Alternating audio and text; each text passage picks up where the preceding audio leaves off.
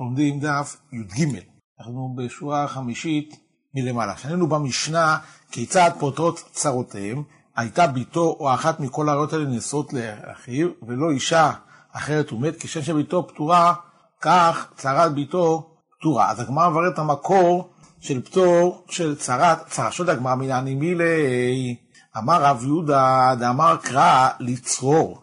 התורה ריבתה צרות הרבה, מזה שכתוב לצרור ולא כתוב לצור, כאן ריבו גם צרות הרבה.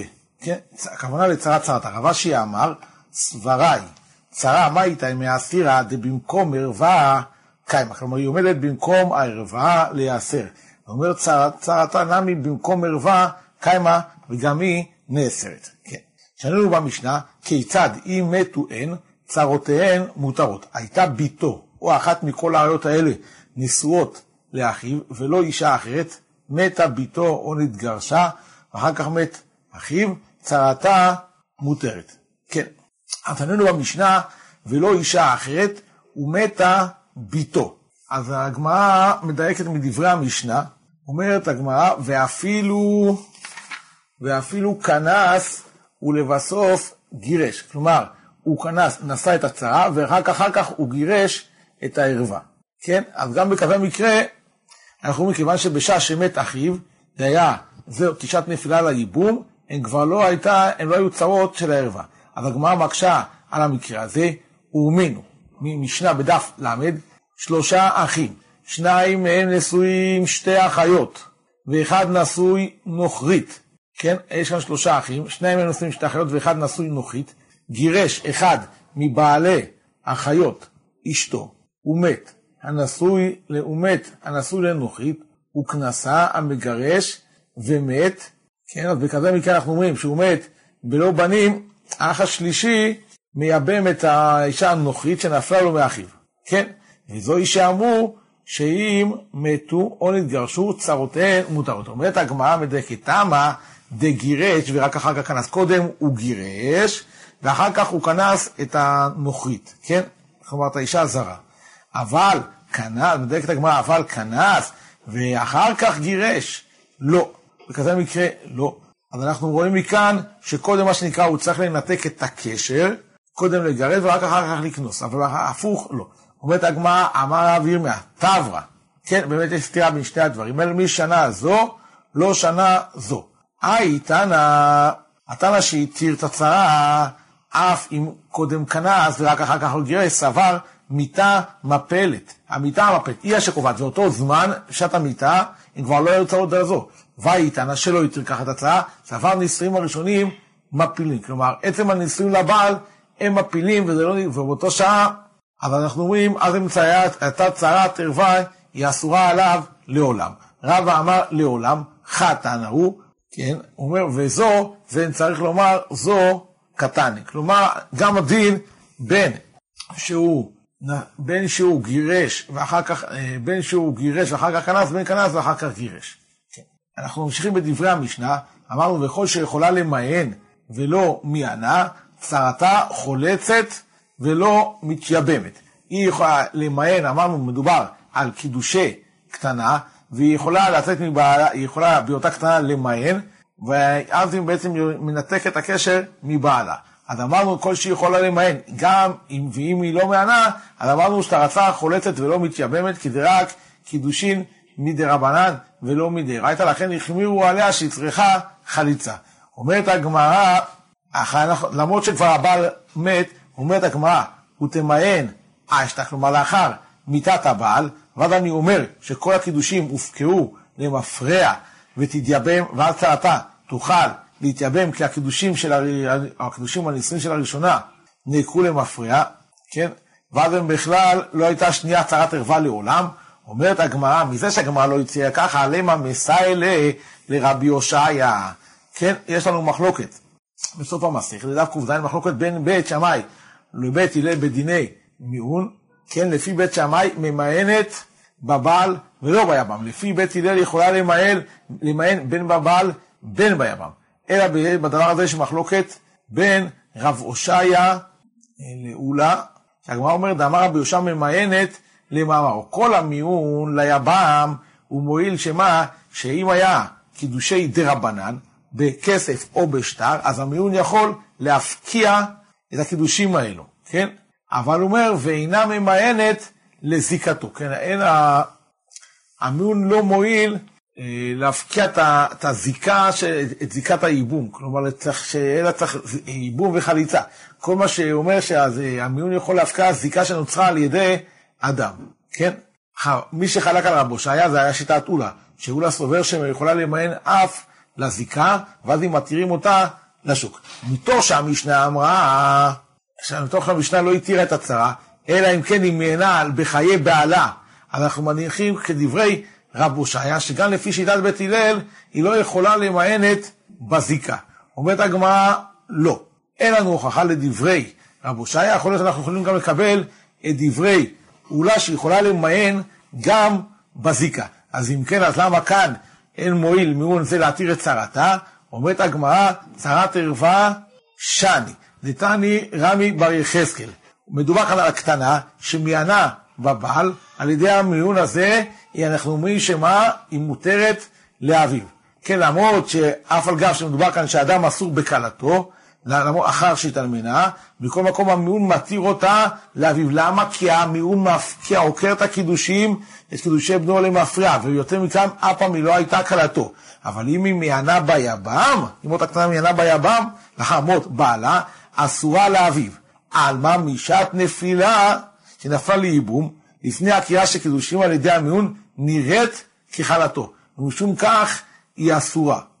כן, למרות שהקידושים נעקרו למפריע, הדבר נראה לבני האדם, הם יטו ויסברו שהמיון הזה הוא מועיל רק בזיקת היבם מלבד ולא בקידושים הראשונים.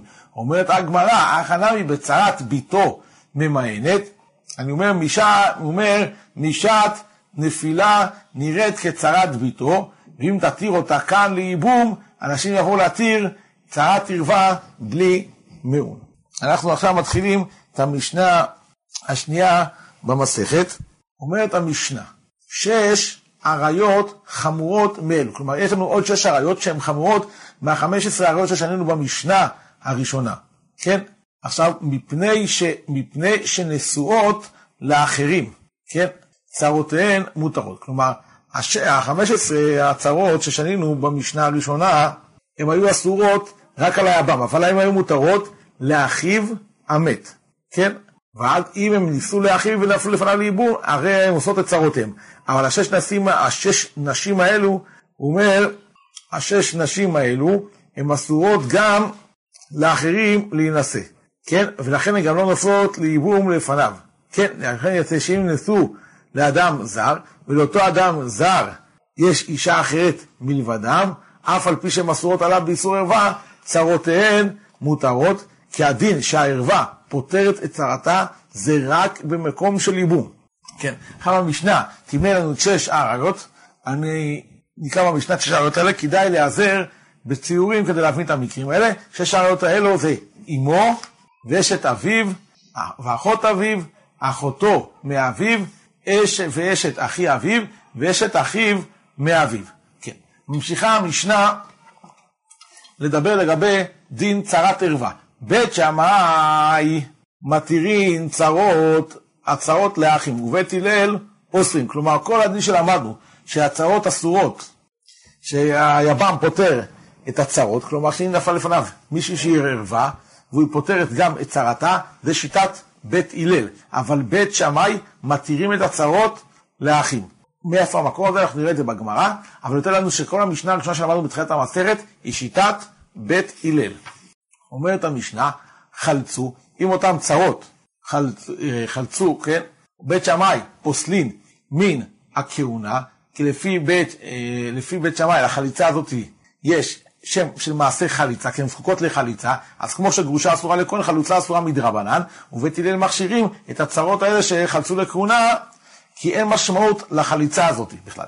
נתייבמו, בית שמאי מכשירים, כלומר, להיותם להינשא לכהונה, כי הן מותרות להתייבם, ובית הלל פוסלים אותם מן הכהונה, אותן צרות, כי הרי הן אסורות באיסור ערווה, וכיוון שהייתה כאן ביאה אסורה, אז אותה אישה נעשית זונה ונאסרת לכהן. כן, אומרת המשנה, מוסיפה המשנה, אף על פי שאלו אוסרים ואלו מתירין, אלו פוסלים ואלו מכשירים, לא נמנעו בית שמאי מלישא נשים מבית הלל ולא בית הלל מבית שמאי, למרות שלפי לפ, אותם אנשים לבית הלל, ההיתר של בית שמאי, לפי בית הלל, אותם נשים זה איסורי חיובי כרתות, והבנים שלהם ממזרים, בכל זאת לא נמנעו בית הלל מנסים לשאת נשים מבית שמאי וכן הפוך. אומרת המשנה, כנ"ל כל הטהרות והטומאות שהיו אלו מתארים שבית הלל תיארו, ואלו מטמאים, לא נמנעו עושים טהרות אלו על גבי אלו. כלומר שבית הלל, אנחנו נותנים להם כלים לבית שמאי. כן, ולא חשוב בית שמאי להשתמש באותם כלים. כן. אומרת הגמרא, אנחנו חוזרים כאן לדבר, לדון בשיטת מחלוקת בית שמאי ובית הלל, שאמרנו שכל הדברי המשנה בתחילת המסכת, שהצהרות אסורות זה שיטת בית הלל. אבל לפי בית שמאי, הצהרות מותרות. אמר רב שמעון בן פזי, מה הייתה מדי בית שמאי? דכתיב כתוב לו תהיה שתמת החוצה לאיש זר. אז הגמרא דרשה חוצה מכלל דאיקה פנימית. כלומר, יש עוד יבמה אחת שהיא יותר קרובה ליבם, ובכל זאת היא אסורה עליו באיסור ערווה. ואמר רחמנא, למרות שהיא אסורה עליו, אנחנו אומרים לא תהיה, כלומר היא לא תהיה לאיש זר, אלא יהיה לגדר של ליבו, והכוונה היא לצרה. ובית הלל, זה מבאי הלל לחדר רב יהודה. אמר רב, אמר רב אמר רב, מנין שאין קידושין תופסים ביבמה, למרות שאיסור יבמה לשוק זה איסור לאו, ואנחנו יודעים קיים על קצת חכמים שקידושין תופסים בחי ולאווין, פה ביבמה לשוק זה לא יתפוס, שנאמר לא תהיה שתמת החוצה לאיש זר, שלא תהיה בהוויה לזר. כלומר אין תפיסת קידושין. ובית שמאי מכתיב, כתוב לחוץ, כתוב חוץ הכתיב. כלומר, הכוונה חיצונה. ובית הלל, כיוון דכתיב חוצה, כיוון דכתיב לחוץ, דמי. דתניא רבי נחמיה אומר, כל תיבה שצריכה ל"ד בתחילתה, איתי לה כתוב ה' בסופה. עכשיו הגמרא תביא דוגמאות למקרים האלה, ותנא דבר רבי ישמעאל, כגון אילים. כתוב שאת, היה כתוב, היה צריך להגיד שהם נסעו, באו לאילים, וכתוב אילים, וכתוב אלימה. מחניים, מחניימה. מצרים, מצרימה. דבלתיימה. היה כתוב לדבלתיים, כתוב דבלתיימה. ירושלימה כתוב, במקום לירושלים כתוב ירושלימה. מדבר, וכל המדבר, מדברה. אומרת הגמרא, חוזרת, ובית שמאי דרב יהודה אמר רב מנהלו. מאיפה הוא יודע את הדין שאין חידושים תופסים ביבמה לשוק? הוא אומר, לאיש זר נפקא. כלומר שהיא לא תהיה לאיש זר. ובית אליהו מטיפוק לאיש זר, אומרת הגמרא, אין, אין הכי נמי. אומרת הגמרא, חוצה, למה לי? לרבות ארוסה. שגם מי שהייתה רק, לא הייתה נשואה, למישהו, לבעל, היא הייתה ארוסה לו, כן? והוא מת בעלה, גם היא נופלת ליבום לאחר מיתת בעלה, שלא תהיה החוצה, אנחנו אומר, היא לא תהיה החוצה אפילו שהיא הייתה רק ארוסה ולא הייתה נשואה. ואידך, בית שמאי מאיפה לומדים את ה... גם דין ייבום בארוסה, אומר מחוצה. אומר אותו מחוצה ויש, הוא אומר מחוצה, הם דחלו דין אחד ועוד כתוב החוצה. מריבוי שלי, ואידך חוצה החוצה, כלומר בית הלל חוצה החוצה לא משמע לאו, כן. אומרת הגמרא, הסבר אחר למחלוקת בית שמאי ובית הלל. רבא אמרת, מאיו דבית שמאי, דאין איסור חל על איסור. יש לנו כלל שברגע שחל איסור א', לא יכול עליו איסור ב'. באו כאן בית שמאי והתירו את צרות האריות, כן? אז אני אומר, בא רב אמר, אגיד שהדין של בית שמאי הוא מסוואה, ואין איסור חל על איסור. אז לכן אנחנו אומרים חל כאן רק איסור אחד, כבר אנחנו נסביר. אומרת הגמרא, כדאי כאן להיעזר בציורים. אומרת הגמרא, יש כאן בעצם שני אחים, שאחד מת, ואחד, שאחד מת, ואחד חי, והחי יצטרך. אומרת הגמרא, תנח אחד דנשא מת. קודם האח המת נשא אישה, כן? ואז באותו רגע שהוא נשא אותה או עשרה על אחיו, ואחר כך נשא, אחר כך נשא חי, הוא נשא את אחותה, כן? עכשיו במקרה הזה אינה אסורה לו אלא משום אשת אח. למה דלואתי איסור אחות אישה, שהוא האיסור השני, וחל האיסור אשת אח, כן? אלא נשא חי, אם החי, אלא נשא, קודם האח החי נשא אישה, באותו רגע שהוא נשא חי, הוא אסר את אחותה על המת. כן? הוא אומר, אישה, הוא אומר, אלא נשא חי אישה, ונאסו עליו כל אחיותיה, ואחר כך נשא מת, כן? אחות אישה, יותר לנו איזה איסור קדם? אחות אישה קדים. קודם היה איסור אחות אישה, ואחר כך חל, הוא קדם לחול על איסור אשת המת. אז הוא קדם לחול על איסור אשת המת. כן. אומרת הגמרא, מתרץ הגמרא, אומר, אומרת הגמרא, כיוון עתי איסור אשת אח, וחיל האיסור אחות אישה, אב ולד צרת ערווה שלא במקום מצווה ושריה. אומרת הגמרא כזה דבר. גם במקרה הזה, אנחנו אומר שלפי בית שמאי, אין מקום שתפתור את צרתה לבית שמאי. הוא אומר, כיוון דלא עתי איסור אשת אח, וחל האיסור אחות אישה. כלומר, אני אומר, לא חל בדין אשת אח כלל, אלא בעצם היא כמו נוכרית אצלה, והיא לא נופלת לייבום. הוה ליה אותה צרה, צרת ערווה שלא במקום מצווה ושריה, היא תהיה מותרת לייבום. למה? כי אין ערווה פוטרת צרתה, אלא אם כן יש לה נפילה במקום ייבום, אלא שמה זה נדחה משום פטור ערווה. כן? כדאי את המקרה הזה עוד פעם להיעזר לראות בתמונה. כשאני אמרנו במשנה, חלצו, בית שמאי פוסלים, הם פוסלים אותם מן הכהונה, בית הלל מכשירים. אומרת הגמרא, פשיטא, ברור, הרי לפי בית שמאי שאמור, שהצהרות חייבות בייבום בחליצה, אז החליצה הזאת פסלה אותה מן הכהונה. אומרת הגמרא לאפוקי דרבי יוחנן בן יהודה, לאפוקי דרבי יוחנן בן יהודה, אמר בואו נתקן להם לצרות, שיהיו חולצות ולא מתייבות, כדי ניתן גם לידי שיטת בית שמאי וגם לידי שיטת בית הלל, אז נחמיר ונגיד שיהיו חולצות ולא מתייבות. אומר חמש שמאלן, דבית הלל, שמה שהם אמרו שהיא פטורה, פטורה לגמרי. ואין שום השפעה לחליטה הזו, ולכן מכשירים אותה לכהונה. והתייבאו בית הלל פוסלין, כן, אומרת הגמרא, עטו, למה להרג, עוד פעם הדברים האלה פשוטים, לפי שלטם, אומרת הגמרא, איידי דתניא, חלצו, תננמי נתייבמו. עכשיו אנחנו נכנסים לתוך סוגיה, שמה שנקרא סוגיית איסור לא תתגודדו, כלומר לא תעשו אגודות אגודות, וננסה להוכיח מתוך סוגייתנו. אומרת הגמרא, תנא נתן שלנו במסכת מגילה, מגילה נקראת ב-11, ב-12, ב-13, ב-14 ב-15, לא פחות ולא יותר. אלו הזמנים, יש זמנים לעיירות המוקפות חומה ולכפרים ולעיירות רגילות. אמר לריש לוקיש לרבי יוחנן, אי קריקה לא תתגדדו, לא תעשו אגודות אגודות. אז מה פתאום כאן תיקנת כמה מקומות שונים יקרו בתאריכים שונים? כן, אומרת הגמרא, אי לא תתגודדו מבא אלי לגופי. דאמר רחמנא לא תעשו חבורה. אומר, לא תעשו חבורה על המת, זה איסור לעשות חבורה על המת.